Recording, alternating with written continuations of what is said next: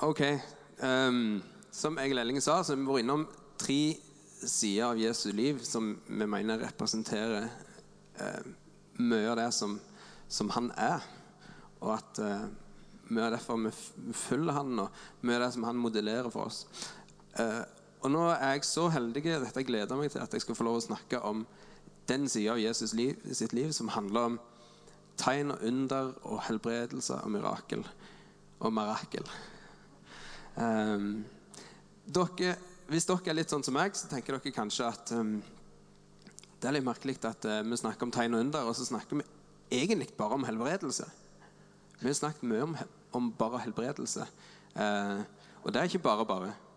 Men det hadde jo frykt, vært fryktelig interessant å snakke litt om tegn og under. og og alt det der, og Bibelen er veldig tydelig på at tegn og under skal følge oss som tror. Eh, men, eh, og Jeg vet ikke om dere blir skuffa nå, men når jeg sier at jeg, jeg skal snakke om helbredelse i dag òg, altså. Men det er litt fordi at eh, en del av pakken som vi får når vi, blir, når vi blir frelst, når vi tar imot Jesus og begynner å følge han, en del av den pakken som, som det innebærer når Jesus sier at Guds rike kommer nær, det er det med med helbredelse. Det er en ting som vi skal få lov å, å jobbe med alle sammen. En ting som alle vi som har tatt imot Jesus og følger han, skal få lov å operere i.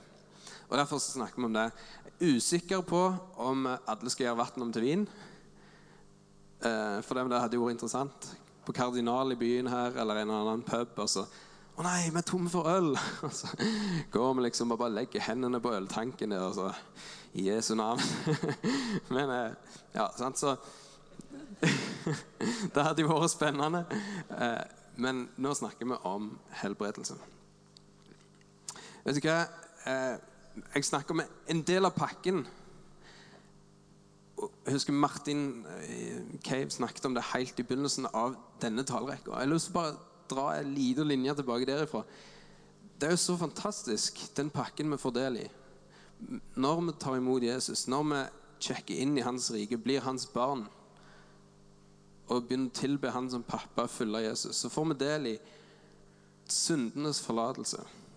Samme hvor mye drit vi har gjort, så blir vi tilgitt for det. Vi kan være frimodige innenfor kongenes konge. Vi kan gå inn i hans nærhet. Og vi er i en helt, helt spesiell posisjon. Vi får gå fra mørke til lys, sier Bibelen. Og vi får, vi får bli tatt inn i varmen. Og vi får del i så enormt masse spennende. Og en av de tingene er dette som vi nå snakker om.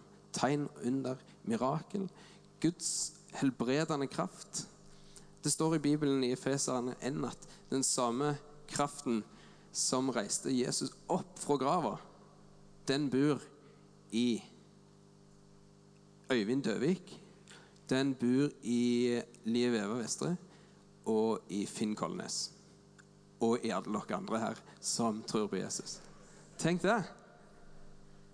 Den samme krafta som reiste Jesus opp fra de døde. En del av pakken av det å være frelst. Det er bare så fantastisk. Så jeg takker deg, Jesus, for det. At du har gitt oss en del Du har gitt oss en, en så stor mengde med ting at vi, hvis vi skal begynne å sette ord på det, så blir ord for små. For du er så stor, Gud. Takk for det, far. Jeg ber om at du skal eh, velsigne den stunden vi har i lag nå. La oss få lov å ta del i deg. Hellige Ånd, la oss få, kjenne at eh, du er her med din kraft til å helbrede. Hellige Ånd, la oss få kjenne og erfare deg på nye måter i dag. La oss få ta del helt konkret i din kraft i dag. Ok. Jeg vil bare begynne med å fortelle litt om min egen vei i det som har med helbredelse å gjøre. Eh, jeg er nå 28 år, for det meg ser ut som jeg er 18. Eh, og når jeg var 18-19, så var jeg i militæret. Det var i Oslo, og så heldig jeg fikk være i Oslo. Eh, og da Jeg kunne gå på sånn fem møter i løpet av ei helg av og til. Jeg var veldig sulten og bare fikk med meg det jeg klarte å få med meg av, av, eh, av ting som hadde med Gud å gjøre, enkelt og greit. Eh, Og jeg hadde akkurat gått et, eh, litt over et halvt år på bibelskole og liksom gått i ei bibelgruppe der som jeg kom ifra, men hadde liksom ikke fått del i dette med hva det handler om, dette med Guds rikes komme og tegn og under og helbredelse og nådegave. Og Derfor var det veldig spesielt for meg. For denne søndagen som jeg nå skal snakke om i Oslo, så var jeg i Storsalen, der som Egil Elling jobbet før. Og Da var det en tale som, på over en time. Og det er det jeg skal gjøre i dag, forresten. På over en time. Nei da. Men det var en tale på over en time om nådegaver. Eh, deriblant helbredelse, tungetale. Og jeg tenkte dette var, dette var spennende, altså. Her, er- her var det noe. Så på vei ned til T-banen eh, etterpå når jeg skulle hjem, så ser jeg at der står det to menn og ber for en annen. Eh, i, på vei ned til T-banen. Det var to som ba for en som var sånn uteligger. Og da så jeg på dem, og så så jeg at de ber på et sånt språk som jeg ikke forstår. Jeg tenkte det er jo helt sikkert tungetale, forsto jeg etter en stund. Og så syntes jeg det var veldig spesielt, men ok. Eh, så gikk jeg videre ned for å rekke T-banen, og så så jeg bare snurten av T-banen idet jeg mista den. Så tenkte jeg ja, ja, det var kanskje en mening med det. Går opp igjen, eh, og så tenker jeg kanskje jeg får komme i prat med disse to mennene som står og ber for han, for det hadde vært spennende.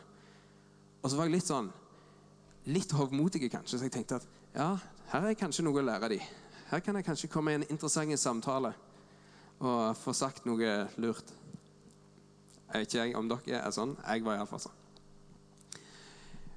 Og så, for, så begynner jeg å snakke med dem, og så forstår jeg bare mer og mer at wow, disse her, her er det et eller annet som jeg ikke helt har fått tak i ennå. Snakker lenger med dem, snakker lenge med dem, og så spør de om de kan få lov å be for meg. Og De var skikkelig fulgt opp av Den hellige ånd, hadde brukt masse tid i Guds nærvær. Det kunne jeg merke på lang avstand.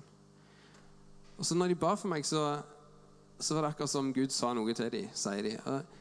Det Gud sier, det han ene sier, da, at jeg opplever at Gud sier at eh, du har fått gaven til å helbrede. Og jeg opplever at Gud sier at i nærmeste framtid kommer du til å treffe på en person som er syk, og du skal be for den personen. OK, sier jeg. Manner meg opp. Setter meg på T-banen på vei hjem etterpå. Jeg Er livredd. Tenk å få en sånn beskjed. Du skal snart treffe noen. Jeg hadde aldri bedt for noen sånn som det er jeg. Og så får du beskjed du skal snart treffe noen. Vet ikke hvem det er, og de er syke, og du må be for dem. Og jeg var livredd. Så det så på folk på T-banen og så var Er hun? Er han syk? Eh, jeg var litt nervøs. Traff ingen den kvelden, men morgenen etter på mandagen så kom jeg inn på kontoret mitt på Feltprestkorpset i Oslo, på Akershus festning. Eh, og der treffer jeg eh, han som jeg jobber med på kontoret til vanlig der. Han er også en kristen, eh, og han forteller at åh, jeg har så vondt, jeg må nok gå antagelig i løpet av dagen. Jeg har fått nyrestein. Jeg har hatt så vondt hele helga, sier han. Det var uutholdelige smerte. Og dette hadde han hatt hele helga. Og jeg bare «Øh, Jeg vet hva som skjer nå. så jeg, jeg forteller han, og han var kjempepositiv. Og eh, jeg fikk lov å be med han. La hånda på magen hans på kopirommet. Og han ble helt helbreda. Yes.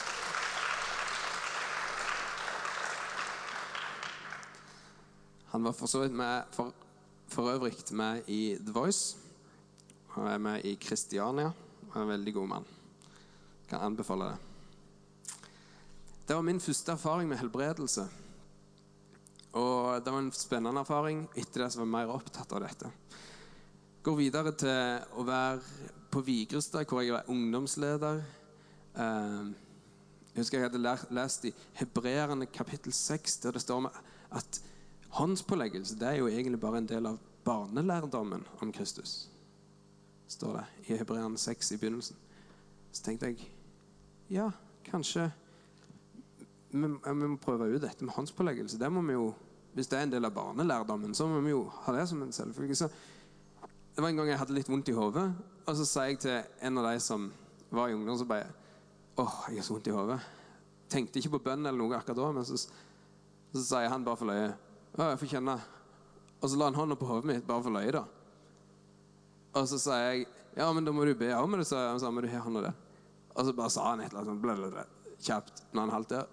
Og så tok han hånda vekk, og så bare plutselig, helt, helt sånn fjern, eh, helt fri fra hodeverk. Og nå skal jeg bare fortelle noen, bare sånn, noen flere sånn små episoder, for jeg syns det er så kjekt å, bare tenke tilbake på hva som er min historiehelbredelse. Jeg syns dere skal få lov få høre litt på meg som babler om min historie i det med helbredelse. Og så tror jeg det skaper tro når vi forteller om det som Gud gjør, for det forteller om at han har lyst til å gjøre det igjen. Yes. En annen gang i, i uh, ungdomsarbeidet som jeg var leder for, så så var det ei jente som hadde grasallergi. Og jeg tror Hun kom faktisk på eget initiativ og spør kan ikke dere be for meg. Kan vi ikke, kan vi ikke be om at grasallergien skal gå, gå vekk? Og det var helt forferdelig. Hun klarte jo ikke Det er helt sikkert noen her som har gras- eller pollenallergi og, og, vet hvor fælt det er å være bare på, på, en plen eller et eller annet om sommeren. Dette var på sommeren, og, og vi ba ei enkel bønn. Still dere rundt henne, la hendene på henne, ba ei enkel bønn om at hun skulle bli frisk. Ann Helen het hun. Rett etterpå så gikk hun ut, bødde hodet ned i gresset. Og så sniffa skikkelig godt inn i gresset. Ingen endring. Det var bare helt sånn Helt fint. ikke det kult? Ja. Hvis jeg tar en pause av og til, så er det for å tenke. Det er ikke for at dere må klappe. altså. en annen gang så var jeg og ei annen eh, jente som eh, vi, vi drev og jobba med ungdommer i lag. Vi var på eh, en leir i lag med mennesker som var i foreninger rundt om i Norge i Nordmisjonen. Og flere av disse hadde ikke på en måte erfaringer eller type var ikke veldig opptatt av denne delen av det å være en kristen. Eh, men akkurat der og da så var det en, en taler som fokuserte mye på dette. akkurat da. Han eh, delte Guds ord om det, og dette var en veldig trygg person som, som snakket om det på en måte som, som folk forsto veldig lett. Og du kjente bare at han bar med seg et, et gudsnærvær i tillegg, som, som bare gjorde troverdigheten eh, enda større. Eh, i slutten av helga så, så, hadde vi ikke sett eh, noen store helbredelser. Gud hadde gjort masse, men ikke noen sånne store helbredelser. eller noe sånt. Men det var ei der som var barnearbeider i en menighet. Denne dama i 30-åra var barnearbeider, og hun hadde fått migrene. Eh, det var en veldig trist historie, for det hadde blitt verre og verre.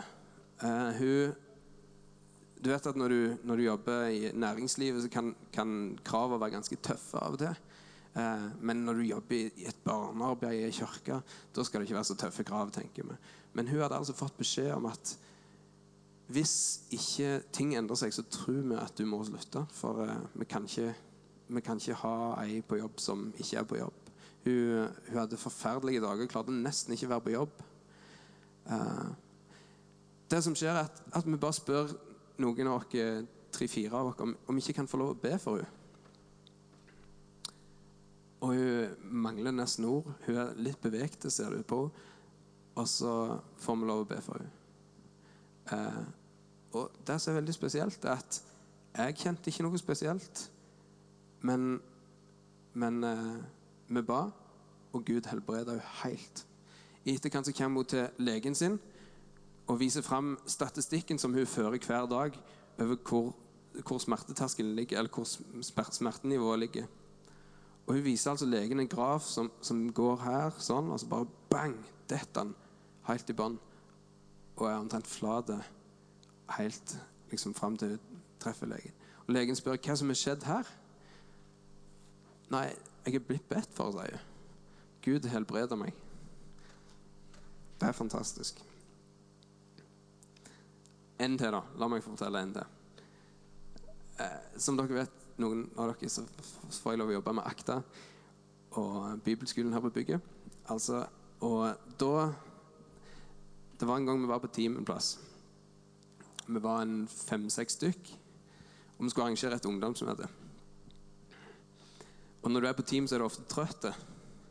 Og, eh, du, er trøtt Jeg vet ikke om dere kjenner dere igjen i dette, men når du er trøtt, så er det vanskelig å, å holde, holde motet oppe hele veien og, og, tenke helt klart. Og du blir fort litt sånn deppa og, og, og for det om du ikke eh, Fordi om det ikke er grunn til, til det, egentlig.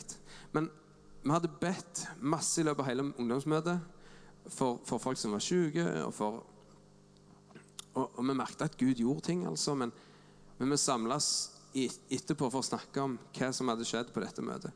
Jeg, merket, jeg husker jeg merket at åh, jeg er trøtt. Jeg følte det gikk ikke så bra. Det skulle ha gått mye bedre.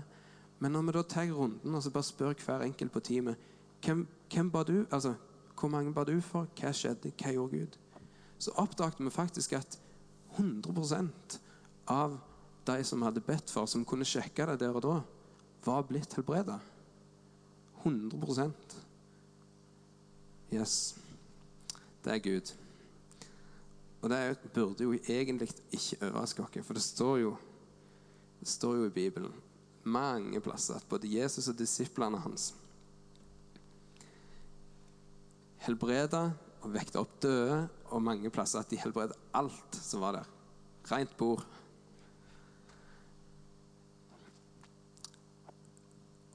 Jeg, jeg, vet ikke om dere kjenner det sånn som meg, men jeg, i alle fall når jeg har opplevd det sjøl, når jeg hører sånne historier som dette, så blir jeg enormt oppmuntra. Jeg kjenner at Å, så bra. Samtidig så er det sånn at jeg vet ikke om vi alltid klarer helt tro på det. At eh, jeg vet ikke om vi alltid klarer å ha helt klart hode og tenke at Gud vil helbrede. At Gud er god, at han vil Både vil og kan alltid. Egentlig så altså, Når vi er kristne, så kaller vi oss de troende. Og Gud er jo overnaturlig, vet du. Og da burde det ikke være noe problem for oss å tenke at eh, vi tror på en overnaturlig Gud og en allmektig Gud som vil, og som er god. Men av og til tror jeg at vi, vi sliter litt med å tro på det. Jeg har et spørsmål av og til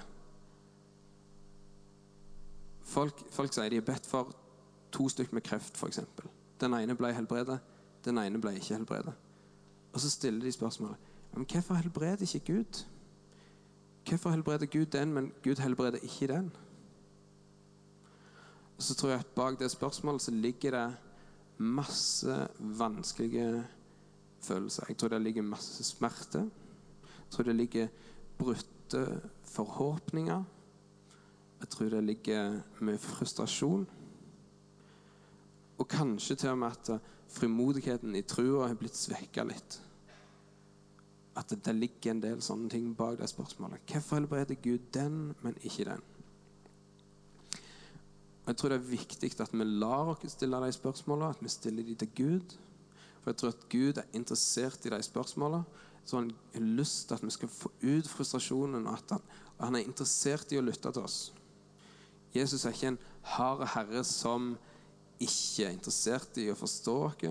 Jesus er ikke eh, ja, Nei, Jesus er interessert i å forstå oss og lytte til oss. Og at vi skal forstå, ikke minst. Og akkurat det der har jeg bare lyst til å adressere litt nå. Det spørsmålet der. Det er ikke et lett spørsmål, så det er en stor oppgave for meg, men jeg har lyst til å prøve å adressere det litt. Det står i Bibelen at når vi ikke forstår ordet som blir, eh, som blir gitt dere Husker dere Jesus forteller om såmannen? Går ut og så liksom står ut. Og, når, og så sier han at når noen ikke forstår ordet som blir sådd til dem, så er det akkurat som den, eller så kommer den vonde, sier han, og røver ordet. Det som skjer da, det er at vi begynner å tenke løgntanker om Gud, løgntanker om oss sjøl. Og og om det meste. Og Da blir vi bundet opp, vi blir knytta opp, og vi blir ikke frie. Og vi klarer ikke ha helt frimodighet for Gud mange ganger. Jeg, merker, jeg sier det ut av erfaring. For at vi blir knytta opp i løgntanker og sånn ah, 'Trodde jo Gud var god, men jeg klarer ikke helt tro på det.' Og så Kanskje det er en av de tingene som gjør at frimodigheten i trua blir svekka. Men hvis vi forstår det så, så tenker vi sannhetstanker. Hvis vi forstår Guds tanke med dette, at Gud er god og klarer å tenke at Gud er god fordi om ikke alle blir helbreda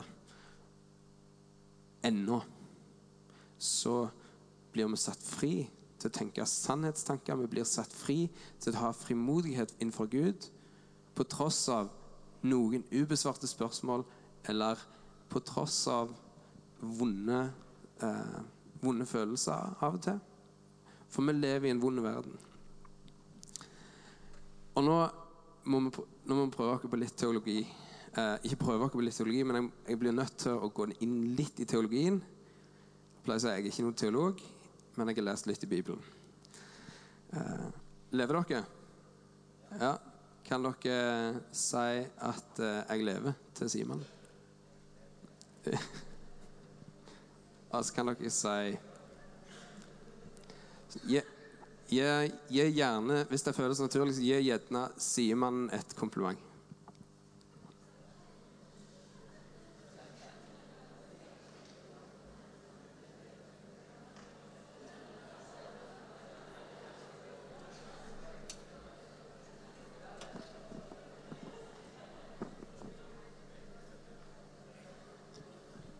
OK. Fint.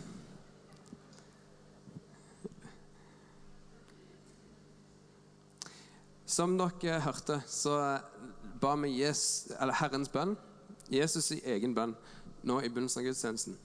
Eh, Jesus eh, har tolv disipler og mange disipler, men han, disiplene spør, hans, spør Jesus hvordan skal vi be. Jesus sier sånn skal dere be. Og, og en av de tingene er la ditt rike komme. Enn han er la din vilje skje på jorden som i himmelen. Hva betyr det? Hva betyr det? La din vilje skje på jorden som i himmelen. Ok, Hvordan er det i himmelen? I himmelen er Guds vilje total og fullkommen. Og der, der regjerer Guds vilje. Så hvis Guds vilje skal komme her noen, For noen av dere, dere er dette helt åpenbart. Men jeg tror at for alle dere så er det nyttig å tenke gjennom. Um, jeg tror at uh, hvis, det, hvis det er det Gud vil, at hans vilje skal komme her som i himmelen, så betyr det at ok, Gud er livets kilde. Han vil liv, han vil ikke død. I Salme 36, 10 så står det at Gud er livets kilde. Uh, Guds natur er liv. Uh, I Johannes 10, 10 står det at Tyven kommer bare for å drepe og stjele og ødelegge. Men jeg, sier Jesus, jeg kommer for at dere skal ha liv, og liv i overflod. Det burde ikke være noe problem for dere å tenke at ja, Gud vil helbrede. Men så er det det. Når jeg hører spørsmålet hvorfor helbreder ikke Gud den? så blir det et litt merkelig spørsmål for meg. Følg meg på denne tankerekka. Står det alltid på Gud? Ja, men kan jeg stille det spørsmålet? Hvis det ikke står på Gud, prøver du å si at det står på oss, at det er oss det er noe galt med om noen ikke blir helbreda? Nei, det sier jeg ikke. Det er ikke noe galt med oss. Men det er ikke sikkert alltid bare står på Gud. Jeg sa noe om at vi lever i en vond verden. Og i denne verden så er det på denne arenaen her så er det flere aktører enn bare Gud. Om jeg kan få litt hjelp av dere, sånn helt på sparket. Dere tre der, Silje, Øyvind og Ivar. Kan dere komme fram her litt?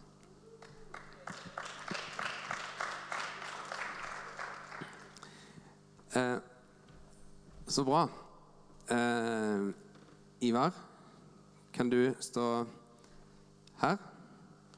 Og så kan eh, du være den som er sjuk. Er det greit? Ja. Og så eh, Øyvind, kan du komme bak her? Bak Ivar. Og så er du nå er du, du skal ikke være Øyvind, du skal bare være sykdommen. Er det greit? Så da kan du holde holde rundt uh, Ivar sånn. sånn at du binder han litt. Og så ser vi at nå er Ivar bonden av sykdommen. Og så eh, dette Silje Oi! Spennende scene. Eh, på Oi, ordspill. Tok dere den? Dette er en spennende scene. Og så eh, Jeg ba ingen om å le. Takk. Så har vi Silje som skal be for Ivar. Så nå kan du bare be eh, om at Ivar skal bli helbredet. Så kan du legge hånda på Ivar. Og så ser vi egentlig ikke altså Nå sier vi at Silje ber for Ivar om at han skal bli helbredet. Det er en fæl sykdom som binder Ivar fast. Og det vi ikke ser nå, for Øyvind er egentlig usynlige, det er at Ivar er bundet opp av noe som Jesus omtaler som fiendens velde. Og Hvis ikke da Ivar blir helbredet med en gang, så vil Silje spørre ja, men Gud, hvorfor helbreder du ikke da? Hvorfor helbreder du ikke Ivar? Og så sier jeg ikke at det er et fasitsvar på dette. Men det vi trenger å ha i bakhodet, er at det er noe, en aktør på denne arenaen, som Jesus kaller for fiendens velde. Av og til er det en sykdom. Av og til er det ei ond ånd. Og Nå sier jeg ikke at sykdom og ond ånd er akkurat det samme, og alt det der, men, men det er en del av noe vondt i denne verden. Uh, andre ting som, Det er ikke bare sykdommer og sånne ting som binder noe. Andre ting som binder noe, er jo ting som frykt. Uh, og det er ting som f.eks. Uh, eh, vonde følelser, skam. Binder dere opp. Men akkurat nå skulle dette være et bilde på en sykdom som binder Ivar. Skal dere gå og sette dere igjen?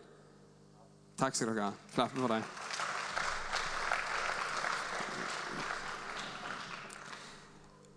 Vi skal se litt på et bibelvers som Jeg skal ikke slå det opp, for det er så kort at jeg kan det i hodet. Men det står i 2. Mosebok 14, 14. For meg har det vært et vers som har vært trøstende, og jeg har hørt det, hørt det sagt i situasjoner hvor mennesker trenger trøst. Og og det er et vers som høres ut sånn som dette. Herren skal stride for dere, og dere skal være stille for ham. Har du hørt det verset? Ja. Og det er et godt vers. Men det, situasjonen som dette verset blir sagt, er altså Moses som står som leder for israelsfolket, står i fronten av israelsfolket, og så skal lede de over Rødehavet, og så eh, står, står egypterherren bak dem. Og så sier Moses til Israelsfolket Herren skal stride for dere, og dere skal være stille for ham. Og Det er et godt vers.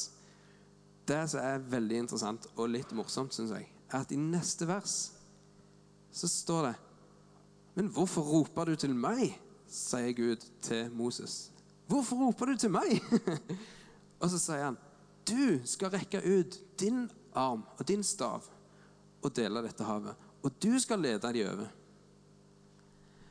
Og mange ganger så tror jeg at når vi, når vi ber Gud om å helbrede, så er det litt sånn Jeg vet ikke om dette skjer alltid, men, men kan være at av og til Gud sier 'Hvorfor roper du til meg?' Ta autoritet i situasjonen og befal sykdommen vekk. Eller ta autoritet og, og gå inn og ikke gi deg. Ikke gi deg i dette. Ikke bli mismodige, men kjemp mot fiendens velde. Eller rekk ut din arm. Uh, men vi leser også i, i Lukas 10, 19-20, når Jesus er sendt ut en, rundt 70 stykk ut på misjon der de skal ut og besøke mange plasser. Og uh, de får beskjed om å bl.a. helbrede alle syke. Eh, og så eh, så kommer de tilbake, og så er de enormt begeistra over hva som har skjedd. Og de sier at til og med de onde åndene lyder oss når vi nevner ditt navn, sier de til Jesus. Og Jesus sier, ja, jeg har gitt dere makt til å tråkke på slanger og skorpioner. Makt over alt fiendens velde. Ingenting skal skade dere og likevel Gled dere ikke over at åndene lyder, dere, men gled dere over at navnene deres er blitt innskrevet i himmelen. Og Det skal vi altså få lov å glede oss over. Ikke den ene delen av pakken som vi har fått, at, at Guds rike er nær, og at vi får lov å helbrede syke. Vi skal få lov å glede oss over det òg, men ikke noen ting i forhold til at det evige livet. At han skal få lov å være hovedfokuset. Jesus, At vi skal få lov å være i lag med han. At navnene våre er innskrevet i himmelen.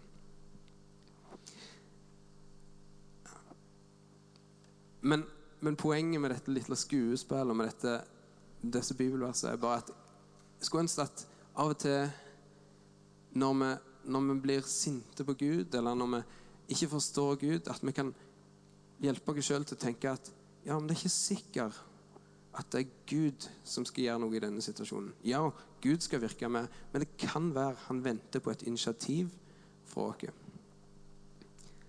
Henger dere med på det? Ja, OK. Takk. Uh, bare lyst til å gå inn på litt flere bibelvers for å se litt på dette. Hvis du har med deg en bibel, så kan vi slå opp i Efeserne kapittel 6. Det er etter, etter Galaterne.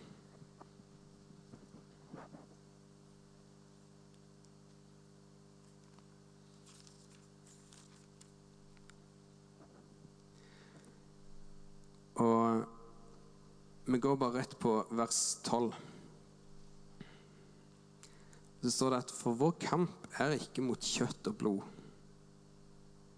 men mot makter og åndskrefter, mot verdens herskere i dette mørket, mot ondskapens ånde her i himmelrommet. Altså Den egentlige kampen vi har som kristne, er ikke mot, eh, mot mot kjøtt og blod. Men det er ting altså i himmelrommet, det er åndelige ting, som vi er satt til å kjempe mot. Og så står det videre i Efeseren 6 om litt hvordan vi kan kjempe mot dette.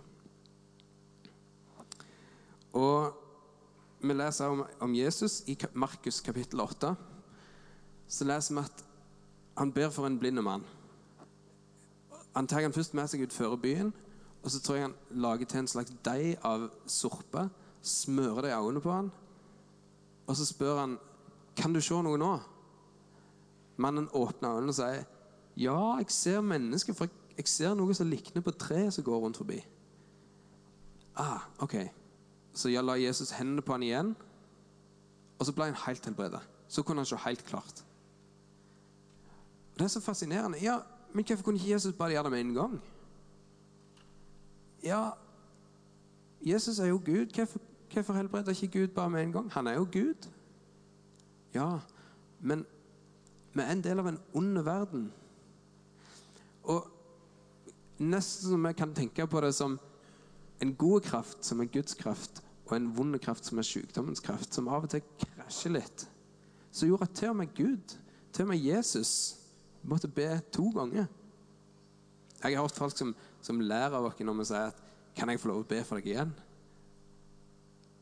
Men Jesus gjorde det jo. Han ba to ganger.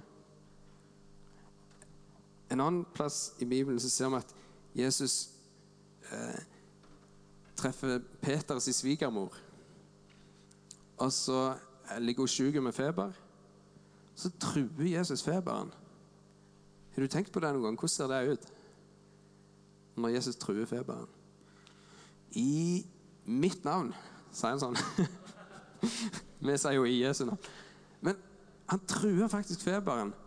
Ja, Betyr det at, at vi alltid skal true feberen og hive vekk sykdom? og liksom, Nå skal vi aldri be Gud om noe lenger. Nei, nå er det bare å kommandere og skjære gjennom her og få noe gjort. og liksom, ah, Krigshelter. Nå, nå, skal vi endre hele måten vi ber på. Vi skal aldri liksom be Gud om noe mer, men vi skal kun kommandere. Nei, jeg sier ikke det. Men, men la oss nå ha det som en, en dimensjon som vi vet om. At ja, det er ikke faktisk bare Gud som er god, og så er det oss som er hans barn. Og hvis vi har det vondt, så må han helbrede oss. Og hvis ikke vi blir helbredet, så er det hans feil. Nei, det er faktisk et fiendens velde. Det er faktisk sykdom i denne verden. Det er en ond verden. Og Det burde ikke overraske oss at det er en ond verden. Det vet dere jo alle. Hvor mange av dere har i løpet av dagen i dag tenkt en syndig tanke eller blitt sinte på noen dere ikke skulle blitt sinte på? Skal ikke be dere rette opp hånda, men noen gjorde det likevel. De aller ærligste retter opp hånda med en gang. Hvor mange av dere har hatt vondt i hodet i dag, eller, eller kjent at uh, ja, ikke alt sto godt til? Du vet at I himmelen der skal vi kjenne at alt står godt til. Og Det forteller dere at dette er en ond verden. Jeg har brukt de to siste døgna på å studere andre verdenskrig litt. Eh, det, det ryster meg egentlig i mitt, i, i mitt innerste, skulle jeg si. Det ryster meg å se hvor enorme tall som ble drept. Det ryster meg å se hvor enorm ondskap som ble utøvd. Jeg leser om Mengele, han legen som gjorde de forferdelige forsøkene på mennesker. Leser om uh, millionvis av mennesker som ble drept. Uh, så Rett etter jeg hadde studert det på, på Wikipedia, sånn, så slår jeg opp i Salmenes bok, for kona mi og meg går gjennom ei salme til dagen. Så det, nå hadde det kommet til 83. Og så, så leser jeg også der om, om liksom hvordan de ønsker å utrydde jødene som folk. Så, så jeg bare har lyst til å ta det som et eksempel for dere. Visste dere at det er noe som heter D-dagen, også kalt Operation Overlord, i 1944? Og krigen varte jo fra 40 til 45. Og D-dagen var i 44, nest siste året i krigen. Visste dere at det var flere jøder som ble drept etter D-dagen enn før det dagen? Tenk det. Krigen var jo allerede vunnet, men han var bare ikke helt over. Og fienden hadde noen krampetrekninger. Fienden slo ifra seg når han ennå hadde sjanse. Seieren var avgjort, men fienden var ikke helt ute av spill. Akkurat sånn er det for du og meg i dag. Seieren er helt avgjort. Det er bombasta ferdig. Jesus er herre og mester, og han er kongenes konge, og han er vunnet. Men krigen er ennå ikke helt over. Fienden spenner ifra seg og, og prøver å gjøre så mye skade han klarer i slutten. Men vi skal få lov å vite at vi er på det seirende laget. La oss se bare helt kjapt på Kolosserne 2, 14-15.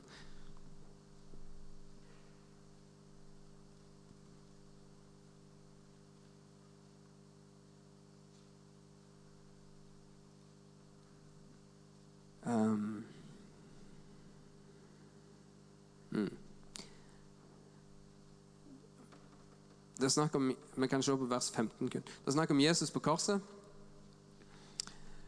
Og hvordan ser det ut på korset? Ja, Det ser jo ut som, som Jesus er avkledd. Han er stilt fram til spott og spe, og han viser seg på korset. Hva er det som står i Kolossene 2,15? Han kledde maktene og åndskreftene nakne og stilte dem fram til spott og spe da han viste seg som seierherre over dem på korset. Tenk det. Det var ikke sånn som det så ut. Jesus så kanskje avkledd ut, men han kledde av fienden og stilte han fram til spott og spe på korset, for han viste seg som seierherre på korset. Og Det er det som er realiteten, det er den virkeligheten vi lever i i dag. Men krigen er bare ikke helt over. Og så så jeg scenen. Har dere sett Max Manus? Opp med hånda. Ja, Da vet mange av dere hva jeg snakker om. Så så jeg scenen i slutten av Max Manus, der Max Manus sitter i en bil og blir kjørt gjennom eh, Karl Johan i Oslo. Og det er et folkehav som står og tar han imot når han er hjemme igjen etter krigen. Og lurer meg på, jeg Når du ser scenene av hvordan krigsheltene blir tatt imot etter de har stått i krigen og mange menneskeliv går tapt, men det er noen som kommer hjem etter å ha utført en god jobb i krigen. Så blir de tatt imot, og så blir de heia på, og de blir elska. Og det er de som har stått i krigen. Så tenker jeg Når du og meg kjenner mennesker som vi har bedt for, som sjøl har bedt, men som er døde når de var syke, som døde i sykdom Så tenker jeg Når de kommer hjem, når de kommer hjem til himmelen, hvordan blir de mottatt? I realiteten så er de de kjempa en hard kamp. De kjempa til døden mot sykdommen. De ga ikke opp, men de kjempa og ba de siste minutter, kanskje. Jeg tror at de blir tatt imot i himmelen som krigshelter. Jeg tror det er sånn vi skal få lov å tenke. Skal ikke få lov til å tenke at å, de hadde for lite tru, eller de synd, de klarte det ikke. Vi skal tenke at de kommer hjem, og de blir tatt imot som krigshelter i heimlandet, der de egentlig hører til. Og så tror jeg at jeg kan si noen fine ord om dette, og jeg tror at det er sant, det jeg sier nå. Jeg tror det er sånn det blir tatt imot. Men ja, ja. Det er ikke sikkert at dine følelser er bare vel og bra for deg. Det kan være du har det tøft med noen av disse spørsmålene. Og jeg har stilt vonde, vanskelige spørsmål om akkurat dette, dette temaet her. Og jeg tror ikke, bare for å repetere det, jeg tror ikke at vi skal skutte de spørsmålene under stolen. Hvis du kjenner at jeg, jeg klarer ikke helt dette her, jeg klarer ikke å være enig i det Johan står på talerstolen og sier nå, så jeg har lyst til å bare oppmuntre deg til å snakke om noen med det. Snakk med noen, en leder her i menigheten, eller noen som du, som du er trygg på, som også følger Jesus. Og bare våg å sette ord på hva du tviler på. Våg å sette ord på hva du syns er utrolig vanskelig å tro på av dette. For det å fortrenge noen tanker hjelper ingen. Mm. Jesus ville ha spørsmålet dere. Nå vet ikke jeg hvor lenge jeg har snakket, men jeg skal begynne å slutte med en gang. Alt begynner ikke Jesus. Alt begynner og avslutter ikke Jesus. Jesus er alfa og omega. På to måter. Det hele starta Hele greia starta med budskap om at Guds rike er nært, og at han, han er kommet nær i vår verden. Og han levde det perfekte livet. Han døde, men døden klarte søren meg ikke holde fast på han, for han hadde levd et perfekt liv. Så han sto opp igjen og seira. Og du og meg får følge han. Og en del av dem får del i et tegn og under. Og mirakler, helbredelse. Et overnaturlig liv i lag med en overnaturlig Gud, det får vi del i. På den måten så begynner det med Jesus, men på en annen måte begynner det med Jesus. og det er når du og meg bruker tid med han alene, eller i lag med andre. Og når vi er i lag med han, det er jo der det begynner. Eh, med at vi får møte Jesus. Det står at Jesus han gjorde ikke annet enn det han så faren sin gjøre. Og det står at han mange ganger han bare gikk for seg sjøl for å be. Jeg tenker Hvis jeg skal gjøre kun det jeg ser Elling gjør, så må jeg være en del i lag med Elling for å finne ut hva han egentlig gjør. På samme måte så måtte Jesus være i lag med faren sin for å finne ut hva han egentlig gjør. For å se og iaktta han. Jeg tror vi skal få be om å få lov å bli mer kjent med pappa i himmelen. Få lov å bli, se mer på han. For det er det det begynner. Få mer tid i lag med han. Og så kan det være at um, du sitter her og tenker at ja, nå har vi snakket i uh, en god stund om dette med tegn og under og helbredelse. Skjer det egentlig noe? Blir det noe forandring? Blir, mer, blir, blir flere folk helbredet? Ja, det tror jeg. Men jeg forstår hvis du er lei av snakket. Jeg forstår hvis du er lei av at det, er, du har lyst til å se noe action, for det har jeg også lyst til. Bibelen sier at Guds rike Det står i 1. Korinter 4, 20. Guds rike består ikke i ord, men det består i kraft. Det er ikke bare snakk og fine ord. Så egentlig er det ikke så Av og til tenker jeg det, åh, jeg har ikke lyst til å være en av de som bare står og snakker og snakker, så egentlig så gjør det ikke så stor forandring. Guds rike består i, ikke i ord, men i kraft. Så vi tenker på oss som fellesskap her Hvordan ville det sett ut hvis vi var kjent for å være de mennesker som, som hadde Guds kraft buende i fellesskapet? Ja, jeg snakker ikke om at vi ikke skal ha Guds kjærlighet og nåde, for det må vi ha. Men nåde og kjærlighet og kraft går hånd i hånd. Hvordan ville det sett ut hvis vi hadde Guds kraft buende i fellesskapet på en sånn måte at, at hva som helst kan skje? Hva som helst kan skje når de er her. Ja, ja, ja, hvem vet hva som skjer hvis du går til IMI? Hvis du treffer noen av de folka? Ja, hvem vet hva som skjer da? Hvordan hadde det sett ut hvis du og meg var de der personene som Ikke fordi vi er så gode, men fordi Gud bor i oss og i fellesskapet. Gjør sånn at folk blir helbreda rundt dere, mellom oss. Og vi lever de naturlig overnaturlige livet samtidig som vi har en del spørsmål. Hvordan ville det sett ut? Jeg tror det er en enormt spennende tanke, og jeg ber om at vi skal få lov å være der.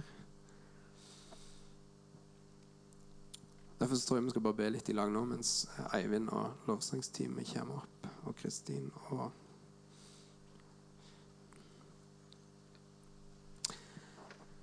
Jesus, takker deg igjen for at du er den du er.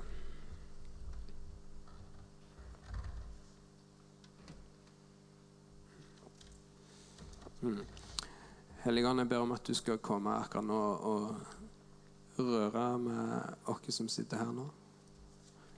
Kom, Helligånd, og snakk til oss, pirk i oss og, og kommuniser med oss. Kom, Helligånd, og gjør akkurat det du vil.